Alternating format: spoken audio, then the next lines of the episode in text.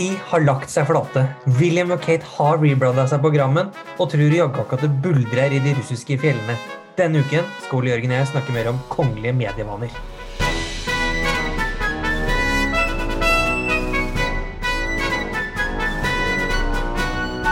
Det passer seg jo fint at vi skal prate om slikt i en podkast, Jørgen. Ja, for vi er jo medievaner. Ja, det, det, vil jeg absolutt si. Vi kunne sikkert stått litt sterkere på Instagram, i hvert fall på undersåttene sin side, men uh, når det kommer til å publisere episoder, har vi vært særdeles sterke de siste månedene. Ja, nesten aggressive, vil jeg si. Nesten.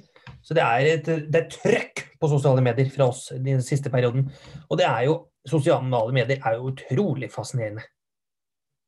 Så absolutt. Og hvordan man kan bruke det til uh, sin uh, sin egen nytte, holdt jeg på å si. Se nytten av det er jo ja. uh, i hvert fall viktig. Sin egen gunst og lykke, for å si det på den måten. Her kan man virkelig være sin egen lykkes smed gjennom de små bilder. Så absolutt. Og vi skal begynne, begynne på en sak som, som var litt før sosiale medier, egentlig. Ja, men det var jo medier. Og det er jo på en måte Funksjonen til sosiale medier er jo på en måte å skape seg et navn eller et brand eller å bygge opp en illusjon eller bygge opp en tanke. Og der måtte jo noen ha hjelp, rett og slett, Ole Jørgen. Og eh, når det kommer til det mennesket vi nå skal prate om, så er det vel intet menneske som har klart å skape en sånn eh, mediefigur som eh, hun her gjorde. For det er jo et intervju som har blitt rimelig eh, sterkt kritisert eh, nå i det siste. I hvert fall etter at det kom frem at det hadde vært noen eh, ja, teknisk sett kriminelle handlinger da, som førte til at dette intervjuet fant sted. Og dette er jo da det intervjuet som Hva het den for noe? Et eller annet Bashir? Ja. ja eh, som han eh, hadde med Diana, prinsesse Diana Wales i 1997. Eller i 95? Ja, selvfølgelig. 95 blir det. Ja. Martin Bashir, BBC. Martin Bashir, ja. Martin Bashir var det. Panoramaintervjuet. Stemmer. For der har det jo kommet fram at uh, Martin Bashir forfalsket dokumenter uh, som han viste da til uh, til jarlen av Spencer, eller jarl Spencer. Altså faren til prinsesse Diana, da? Broren. Broren, ja. Riktig, ja, broren. Faren var allerede borte. Ja, riktig. Og Der kommer det jo fram at, ja, at han forfalsket disse papirene, hvor det fremsto som at media, eller diverse mediehus, uh, tyvlytta på telefonsamtalen hans.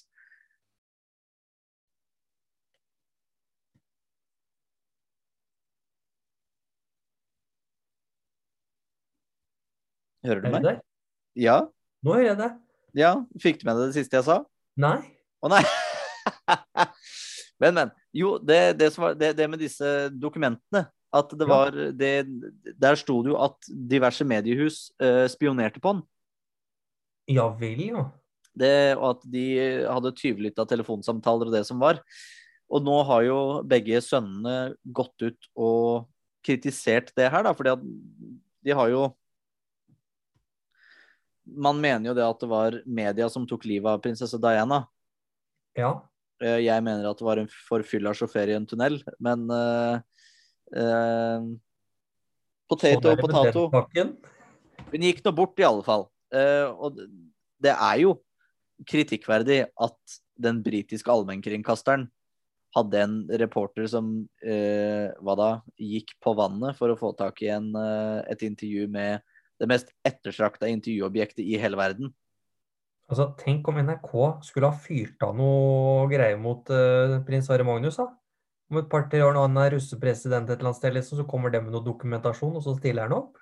Bare kommet med noen dokumenter til, til lille Marius. Altså, du veit hva, vi tjuvlytter på deg. Så nå må du gi oss et intervju med en uh, prins Sverre Magnus. Æsj, steike. Det, det hadde jo ikke tatt seg ut. Nei, ikke i det hele tatt. Og det er jo ikke altså, en, altså 95 er ikke krise lenge siden heller, liksom. Nei da. Og det kan, vet du hva, det, det, det kan sidestilles med, er jo hvordan eh, Se og Hør holdt på med, med mm, Svenno.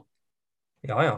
Det var jo virkelig en skandale. For alle som har sett, uh, sett, En vanlig dag på jobben, så handler jo den om nettopp den ja, en journalist i Se som gikk litt i seg sjøl i etterkant på hva han hadde holdt på med. For de drev jo teknisk sett og ja, og fora faren til kronprinsessen med alkohol og ferieturer og det som var, bare for å få ja, bare, bare for å få skandaleoppslag i aviser. Og det er jo helt spinnvilt at man i også norsk presse, som på en måte er På 90- eller tidlig 2000, da. Jeg trodde Ja. vi hadde kommet lenger da. Ja, Vi hadde visst ikke det. Det var ikke noe bedre her enn Men da fikk jo vi den britiske smitten, holdt jeg på å si. eh, som er et fint ord i disse dager. Ja. Britisk variant. Ja, ja vi fikk den britiske medievarianten. Ja. Som Den- var eide, eide ingen skrupler. Nei, De hadde jo ikke skam. Det er jo det. Og det er jo Men det er jo på en måte Diana hadde jo bygd seg et enormt, mm, en enorm merkevare gjennom media. Og da er det jo helt vilt at media var de som skulle felle henne på den måten, da. Og ikke spille på lag, mener. Det, det er nettopp det Hun kunne jo ikke vise for media at hun brukte dem, for da hadde det jo ikke vært noe interessant lenger. Nei, det er det. Så hun, hun har jo spilt spillet, hun òg. Så absolutt, hun kunne det hun, hun- Det var gjennomført. Og det er jo nå, be, Begge sønnene har jo gått ut og kritisert det her. Eh, prins William, hertugen av Cambridge, og prins Henry, eh, hertugen av Sussex. Eh, med rette. Men vi må jo prate litt om sistnevnte også, for han har jo vært med i en podkast. Han også er jo mye i media om dagen. Ja, han er eh, Til å hate media, så er han veldig flink til å bruke dem til å tjene penger. Altså til å ha trukket seg fra sine offisielle plikter, til å ha trukket seg fra familien, til å drite i seg loddrett ut i hele verdenssamfunnet, og kritisert mediebruken noe så inn i helskotten høyt at dette er liksom det som driver han til vanvidd og driver kona hans til selvmordstanker, så er han ganske ivrig på den derre På alt, egentlig. Alle flater, alle plattformer. Og det, det som er litt interessant, da, for jeg, jeg hørte gjennom den episoden som det har stått om i, i media, i VG og Dagbladet, og det som er hvor han kritiserer um, hvordan prins Philip og prins Charles har vært som fedre. Ja. Det Eh, For det første så irriterer det meg grønt fordi at han kritiserer min, mitt største kongelige Eller min favoritt av de kongelige, holdt jeg på å si, prins Philip. Ja, han er jo eh, helt kald. Ja, han er, er det jo ikke det engang, holdt jeg på å si. Han er jo så vidt lagt i grava. Eh, og så presterer han å, å sverte farskapet hans mens kona hans fortsatt er i live. Du kritiserer ikke besteforeldrene dine offentlig. Nei, det gjør man ikke. Og det, det virker som at prins Henry, eller Harry, da, som han eh, liksom kalles, eh, har mista det helt. Altså virkelig bare alt rotfestet. Det er sånn som et teppe har blitt dratt fra føttene hans og sveipa under, og at han har dett inn et sort høl. Det, det kan nok hende, og, men det som overraska meg mest, og det gjaldt meg selv da jeg hørte den eh, episoden som da er av podkasten The Armchair Expert with Dax Shepherd, som er en ganske kjent skuespiller.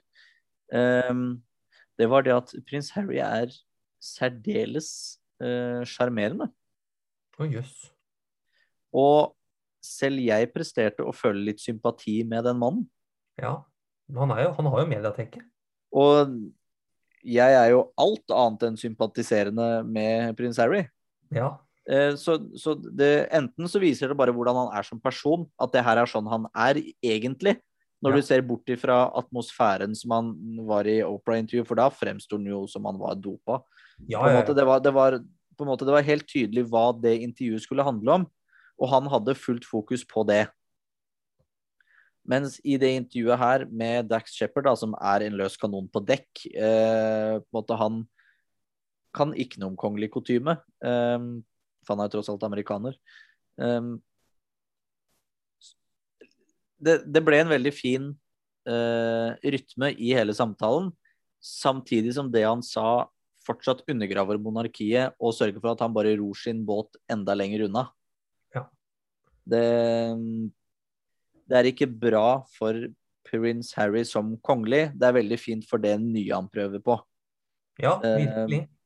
Men du skal ikke tjene penger på å sverte noen andre. Det er jo Det er, det er numero uno. Hvis du skal kritisere noen, så gjør det indirekte. Hvis du leser ei bok hvor du mener at noen tar feil om noe historisk, f.eks., så går du ikke inn for å sverte den forfatteren som har skrevet bok nummer én. Du skriver bare boka di om noe av det samme uten å egentlig nevne den Mm. andre. Og der har vi norske forfattere som den ene bare skriver bøker på en måte og kommer med sin kommentar, mens noen andre eh, direkte går sånn i angrep på den eh, forfatterens eh, synspunkter, da. Ja, det er, veldig, det er egentlig bare tragisk å høre på alt som skjer med prins Harry om dagen. Og det har jo rakna for han, stakkars. Så det, det er på en måte Det han sier, mister jo tyngde etter hvert òg. For det kommer liksom steiner i glasshuset overalt. Og da blir det veldig vanskelig å sitte og kjenne på at man skal føle med ham, tenker jeg. Det er eh, Han roter seg bort i mye rart nå. Og jeg vet ikke helt hvordan man skal angripe det. For det er som at han bare har bestemt seg for at nå skal jeg ut på alle medieplattformer som fins, og så skal jeg snakke mest mulig dritt om det å ha den type arbeid og den type livssituasjon og den type posisjon i samfunnet som han har hatt i over 30 år. da. Det skal han det- rakke. Hans argumenter faller på sin egen urimelighet, fordi at han kritiserer media for at han ikke kunne si noe tilbake. Fordi at han hadde den rollen han hadde. Og det han gjør da, er å kritisere sin egen familie, som han vet ikke kan eh, kommentere det, fordi at de fortsatt er i det gylne fengselet, som han omtaler det som. Som i seg selv er en skandale og eh, Jeg vet ikke hva det er. Det er en kniv i ryggen på dronning Elisabeth. Ja, det er helt tragisk. Men vet du hva? Det er noen som kan si fra på sosiale medier. Og da skal vi en liten tur vekk fra Storbritannia og en tur bort til Russland. Ja, Eller hvor de nå bor, da. Om du bor i Sveits eller jeg tror faktisk de bor i London.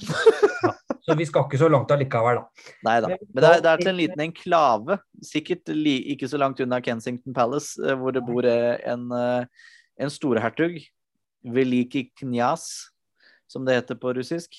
Oi, jøss, hør på han, nå har han pugla. Man heter vel egentlig Michael hvis han bor i London, da. Absolutt. Det er eh, Mikhail. Mikhail Romanov. Ja, Mikhail Romanov, det er jo da han som later som han skal ta over den russiske tronen.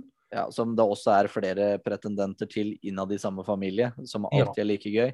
Og her er jo, altså det er mora hans, da, Olga, som har uh, gått eh, i bresjen i mange år og sagt at her er det dynastistiske regler og roller som holder mål og stand, derfor er det jeg som er sjefen. Og hun er vel da igjen et oldebarn av Olga, altså storhertuginne Olga Romanov, som var søsteren til eh, den siste tsaren. Hun er iallfall på en måte den som, hvis du teller slektslinjene og sjekker, så er hun nærmest, og det skal hun ha poeng for. Men eh, det er jo ikke akkurat tradisjon i Russland for å velge kvinner over menn. Men det, vi lar den ligge. Det vi legger premisset, det er at hun, er vært sjefa, og hun er sjefa. Og de andre har nikka smilt til det og sagt det er helt i orden. Eh, Bare at eh, hun har vært veldig høylytt på at eh, det skal være riktig, og det skal være dynastisk, og det skal være etter boka. Ellers så får du et problem. Og der har jo kanskje lillegutt Mikhail Romanov tråkka litt i salaten til mor.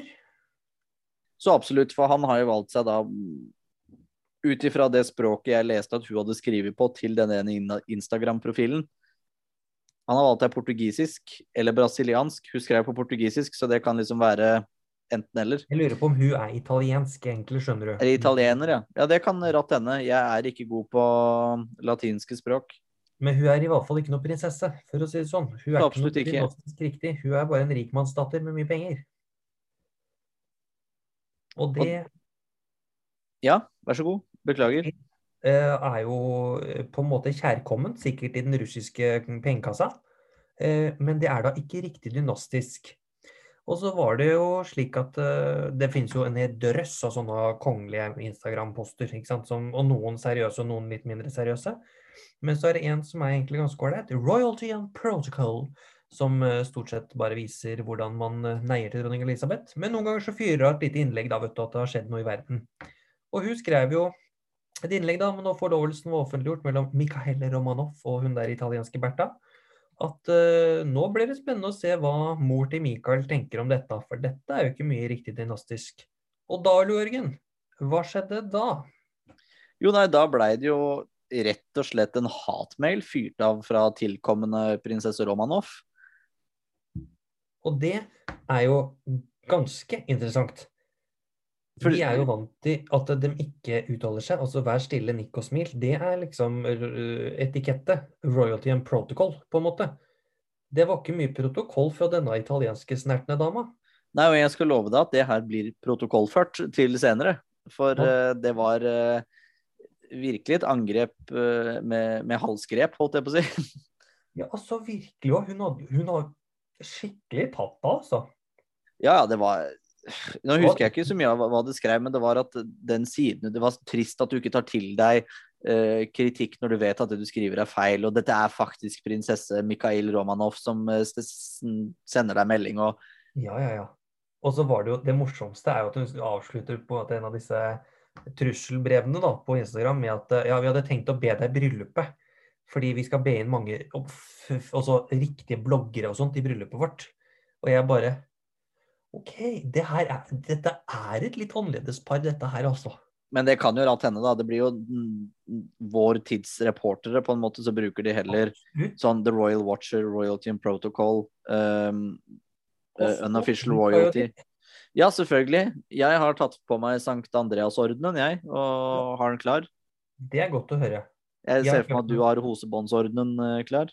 Ja, ja, og så har jeg kjøpt sånn Korsnika-tiara til deg, så du glir rett inn i mengden her, Ole Jørgen. Du er nydelig. Da satser jeg på da, Vet du hva, jeg gleder meg veldig til å se deg i en sånn Anastasia-kjole. Ja, det, det. Fytti steike. Uff a meg. Men Skal gå rundt og kaste Copec på alle gjestene. Å, herregud, så fælt. Men hun har jo altså, for å si det sånn, hun har brukt media på en ganske brutal måte, da. Det er en, det er en ny variant, syns jeg. Ja, og en måte jeg tenker at kongelig kan ha seg frabedt. Rett og slett holde seg for god for.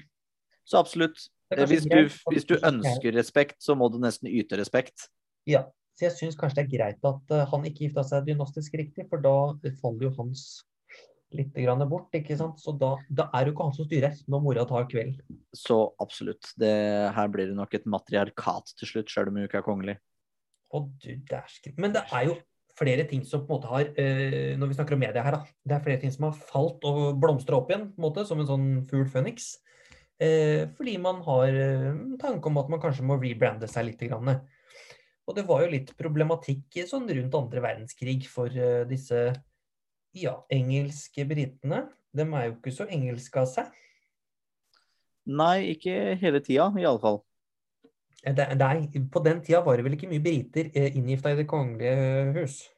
Nei, da var det jo bare, bare tyskere. Eh, sånn, for å si det sånn, da. Eh, I 1703 så dør eh, den siste dattera etter Jakob 2. av Storbritannia, og da Jakob 7. av Skottland. Og de må da De har da noe som heter The Royal et eller annet Act, eh, som da bestemmer hvem som skal arve tronen eh, i et slikt tilfelle.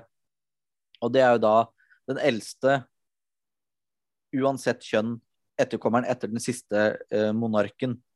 Um, og da måtte de da velge um, datteren til Jakob 2., en av de andre døtrene, mener jeg, eller om det er Jakob den første, eh, til dronning, men hun var jo død, så da blir det sønnen hennes igjen, som var eh, Georg den første av huset Hanover, som Ja. et, eh, var et kurfyrstedømme i eh, det tysk-romerske keiserriket. Og et kurfyrstedømme, det betyr at eh, fyrsten av det fyrstedømmet har stemmerett når det skal velges en eh, tysk-romersk keiser.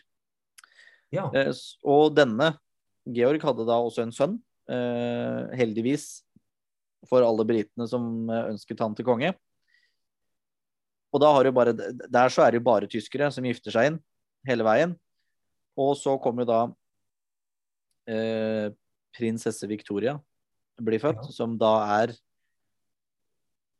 oldebarn av denne Georg den første, og datter av eh, Victoria av eh, Saxe-Coburg-Saafield, som igjen er søster av kongen av Belgia.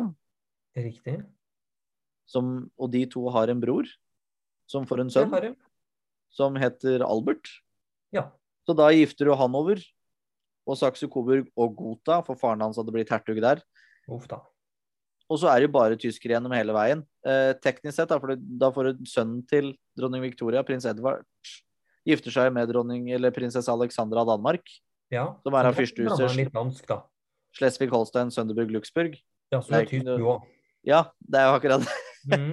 Så da var vi like langt. Og så har du da sønnen der igjen, uh, prins George, senere kong George 5., som gifter seg med prinsesse Maria Tech. Ja. Og det Og- er jo Tech er jo et uh, hertugdømme i Tyskland. Ja, så det er igjen en liten sånn der britisk vaskning av den tyskerne. Men ja, det er bare tyskere fortsatt. Men så kommer krigen, første verdenskrig, som Ja, begynner smeller. Så absolutt eh, i 1914. Og det er jo ingen som liker The Huns, som eh, tyskerne da kalles av eh, britene. Uff da. Em, og da er det problematisk at kongen tilhører et tyskt fyrs- en tysk fyrs- fyrsteslekt. Og i alle fall når han er søskenbarnet til den regjerende keiseren av Tyskland. Det er rett og slett litt dårlig stemning. Så absolutt. og det hjelper heller ikke at dronninga er tysk. På en måte Det er en frykt for en revolusjon, som det da kommer seinere i løpet av uh, første verdenskrig, var i Russland. Som også er søskenbarnet til kong George, sånn Ja. til informasjon. Eh, så det de da prøver og ønsker for å endre renommeet til det britiske kongehuset, er jo da endre navn på kongehuset. Mm. Så det de da tenker hm, Kanskje vi skal gå tilbake igjen til Stuart? Nei, Dårlig idé, fordi første, eller andre Stuart-kongen ble halshugd fordi han prøvde å bli eneveldig konge. Mm, eh, Dårlig stemning. Dårlig stemning. Hm, hva med Tudor? Nei, vent litt. Henrik den 8. har rykte på seg for å ta livet av alle konene sine. Ja, det går heller ikke. Hm, hva skal vi velge? Du, vi har et gammelt slott i Windsor. Og der satt den. Der satt den. Det var det det blei. De tok det eldste, den eldste festningen i Storbritannia og omdøpte kongehuset til nettopp det. Og her mister alle britiske kongefamiliemedlemmer sine tyske titler. Det er sånn, strippa for titler. Altså, snakk om. absolutt. eh, Men de får jo da til gjengjeld britiske titler, da. Mm. Sånn som broren til eh, dronning Mary blir eh, hertugen av Cambridge. Altså den første, hertug, første gangen det blir en hertugtittel, da. Og eh, den andre broren blir hertugen av Athlone, eller noe i den duren. Så det, måte, det kommer opp igjen på nytt, da. Altså, Eh, snakk om å virkelig liksom bare ta og eh, altså kall det greenwashing, på en måte, hvis vi skal ta den type analogien, da, over i royal washing. Eh, for her er det virkelig bare over natta, altså at nå skal vi, nå skal vi gå fra å hete Adidas til å hete Puma. Ja, ja, og dette, dette spiller jo inn på ganske Hva skal du kalle ehm, eh, Hva heter det for noe? Nå står det helt stille her. Ja, de, litt, de delene av kongefamilien som er litt lenger ute i rekka, da. Ja. Sånn som da uh, mora til prins Philip, uh, prinsesse Alice av Ba- Battenberg, blir jo da anglifisert til Mountbatten. Som i dag er uh, etternavnet på Ja. noen av etterkommerne til prins Philip og dronning Elisabeth, Mountbatten Wins eller Windsor Mountbatten. Mm. Og det er istedenfor bare tyske Battenberg, som faktisk betyr Mountbatten. Altså det Ja da, og- selv, liksom. de uh, antityske eh, følelsene i Storbritannia sitter jo så godt i at eh, det er problemer når dronning Elisabeth eller prinsesse Elisabeth ønsker å gifte seg med eh, løytnant Mountbatten. Fordi at genene hans er tyske per def. Ja. Sjøl om hans oldefar var broren til dronning Elisabeth sin oldemor. Eh, som på en måte Det er samme slekt, men nei, nei.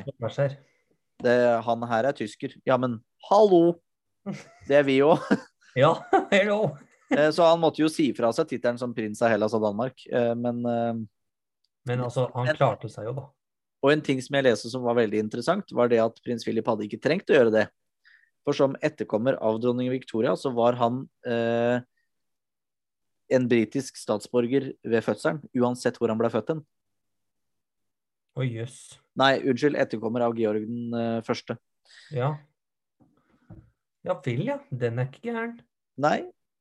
Men er, her ser du da hva kongehuset går til, hvilke Hvilke grep de må ta noen ganger. Ja, og dette er jo bare media, holdt jeg på å si, og public, uh, public relations. Det er Mhm. PR. Det er PR. Men vi skal ikke vi skal jo faktisk ikke så langt vi heller, da. Hvis vi skal ha med en god PR-serie om dagen, Da skal vi en liten tur ja, ikke, ikke så lenge på Bloksberg, for det er solgt, men til Lommedalen. Der sitter jo vår prinsesse Märtha Louise. Eh, og hun også driver jo en ganske aktiv PR-kampanje om dagen. Fyller opp Lommedalen. Fyller opp Lommedalen. Det er gøy sagt. Det er gøy sagt.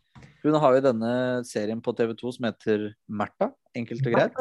Mm. Som er i regn... Vi må si det bare først, først og sist også. Det er en utrolig god serie. Den er Ja, og og den bjuder på. Og den funker til det som er målet.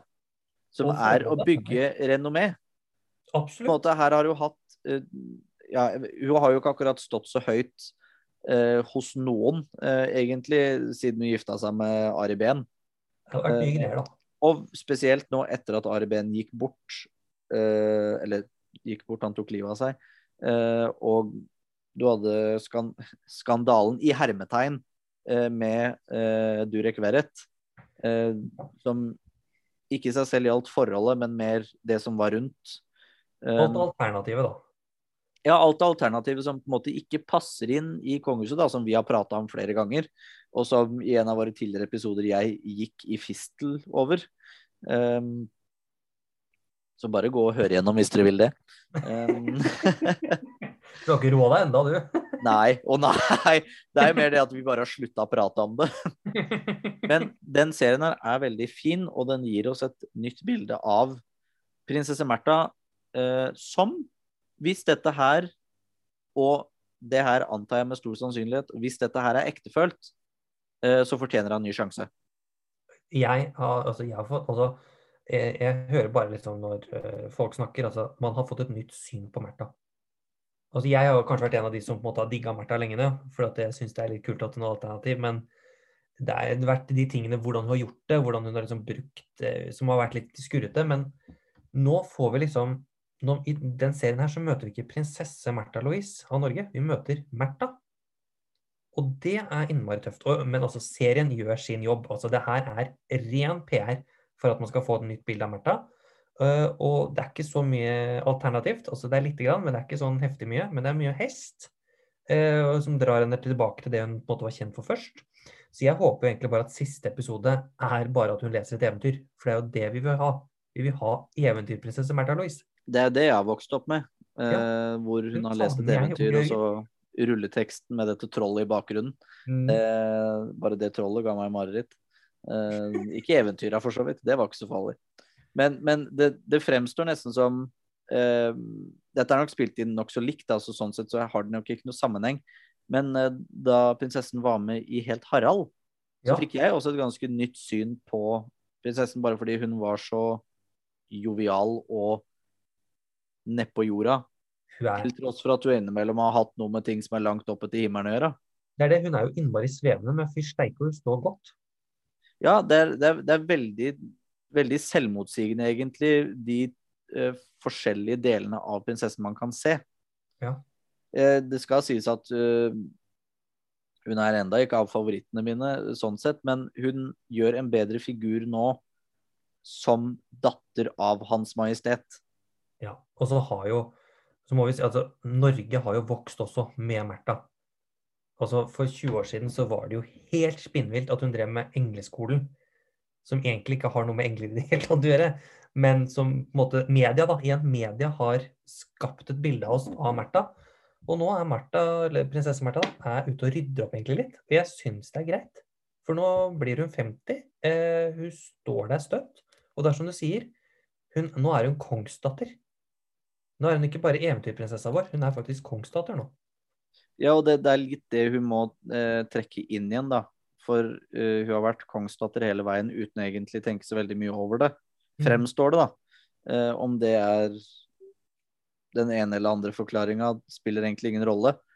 Uh, men det viktige er at du på en måte rydder litt opp i, opp i det igjen, da, på en måte. Jeg syns det går innmari bra, jeg må si det. Yes. Prinsesse Märtha er uh, kul dame. Så skal vi jo over dammen eh, sørover, Jørgen. For eh, er det noen der som prøver å sørge for at kongeriket holder seg sammen, så er det dronning Margrethe og kronprins Fredrik av Danmark. Å, så skal vi opp med den Daneborg. Ja, ja, ja, ja. Vi skal faktisk en liten tur til, eh, Færøyene skal vi nå, Ole Jørgen. Av alle ting. Det er, der er det jo flere sauer enn folk, og det er ganske gøy. Men så skal vi huske på det at eh, Danmark er ikke bare Danmark. Danmark er et riksfellesskap med en G, rigsfellesskap, med en æ på slutten. Innmari spesielt hvordan de skriver det nedi der. Og det består jo da av Danmark, Færøyene og Grønland. Og nå er eh, dronning Margrethe og Fredrik eh, på, må jeg si. For på sjarmoffensiven, for å si det sånn. Rett og slett på skjermen. Eh, Kronprinsen er å plukke søppel på Grønland, og dronningen sitter og forteller om de historiske linjene med forholdet mellom hennes foreldre, besteforeldre, henne selv og kronprinsen, og Færøyene. Hvor Lurer på om han nevner det at det egentlig tilhørte Norge før vi gikk inn i en union med Danmark. Sånn, Altså, vi har mista veldig mye til Danmark, vi. ja, skal vi se, vi mista Skottland, Færøyene, Grønland. Ja. Uh, Jämtland og Herjedalen mista vi til Sverige pga. danskene. Kristian Yes. Det, Og Orknøyene, Shetland ja, det var jo det jeg sa. Det var de jeg prata om i Skottland. Unnskyld. Eh, og så um, har vi også de Ja, Olavskrinet mener de jo i dag er eh, kronjuvelen i Danmark. Ja, det er vårt. Ja. Men Dronning Margrethe ble krona med gravplassen til den hellige Olav. Ja, det er ikke bra. Men hun skal ha da, dem to, kronprinsen i Danmark og dronninga av Danmark, dem eh, virkelig satt inn sjarmen der. Altså selv om, som du sier her, så burde det vært Harald og Håkon som hadde vært på Færøyene en tur og laga sjarm. Men eh, sjarm Eller på Orknøyene. Eller Orknøyene. Det hadde vært, de var jo der for noen år siden, det også var jo veldig gøy. Da snakker vi Når kronprinsparet var på Orknøyene. Det var en liten avsporing der, men de var der. Gjerne flagget kjøpt tilbake det her, vi, for den gjelda som uh... Her har vi penga for den gjelda eh, fra den tida som dette ble satt i pant for. Og vi har råd til det, det verste. Ja, det Men tilbake til Færøyene. Eh, det å ha et riksfellesskap er jo ikke bare bare, tror jeg.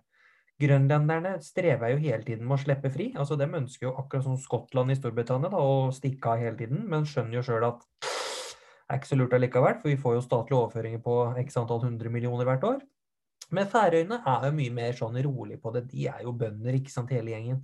Men der har altså et fantastisk flott program. Og dronning Margrethe er på sitt beste. Hun er historisk interessert. Hun kan alt sammen. Du, du, du ser det når du ser programmet at dette her er ikke noe hun har pugga før hun går inn i studio eller blir intervjua. på en måte.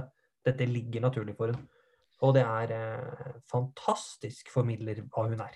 Ja, men det er hun. Hun er jo veldig kulturelt eh, anlagt. eh, På alle mulige måter, som både kunstner og syerske og, og det som er, på en måte. Og hun har jo visst om den rollen hun skulle ha ja, siden hun var Skal vi se, hvor gammel er hun nå? Hun er 84? Ja. Nei da, hun er yngre enn vårt hun- kongepar. Hun ble 81. Hun skulle hatt 80-årsfeiring i fjor, når de sendte en uh, hilsen på sosiale medier til henne. Sant, det media- stemmer. Av Daisy. Uh, så hun var ikke Der så vi virkelig hvordan de europeiske kongelige brukte Ja. Hva da? Nei, eh, fortsett. Si det du skal si først. Ja, der så vi virkelig hvordan de kongelige i Europa samla seg på sosiale medier. Bortsett fra de britiske, men eh, det er jo en episode for seg selv. Bare la være, da. ikke sant? Vi trenger Ja. akkurat det. Men de andre samla seg rundt kjære tante Daisy. Så absolutt. Eh, Men jeg, jeg tror den loven som gjorde det sånn at kvinner kunne arve tronen i Danmark, eh, ble gjennomført ikke så mange år etter hennes fødsel. Så hun var ikke gamle jenta da hun visste det at OK, jeg skal bli dronning. Mm, Så her er det jo fått rimelig god eh, opplæring av både sin Ja, i hvert fall av sin far. ja. Og mor, for den saks skyld.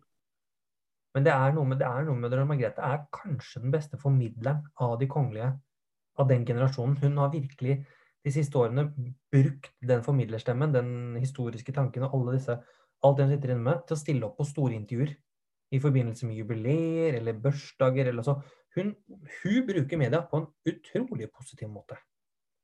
Og så er det jo ikke så rart når det hun intervjuer som er ganske positive ting, da.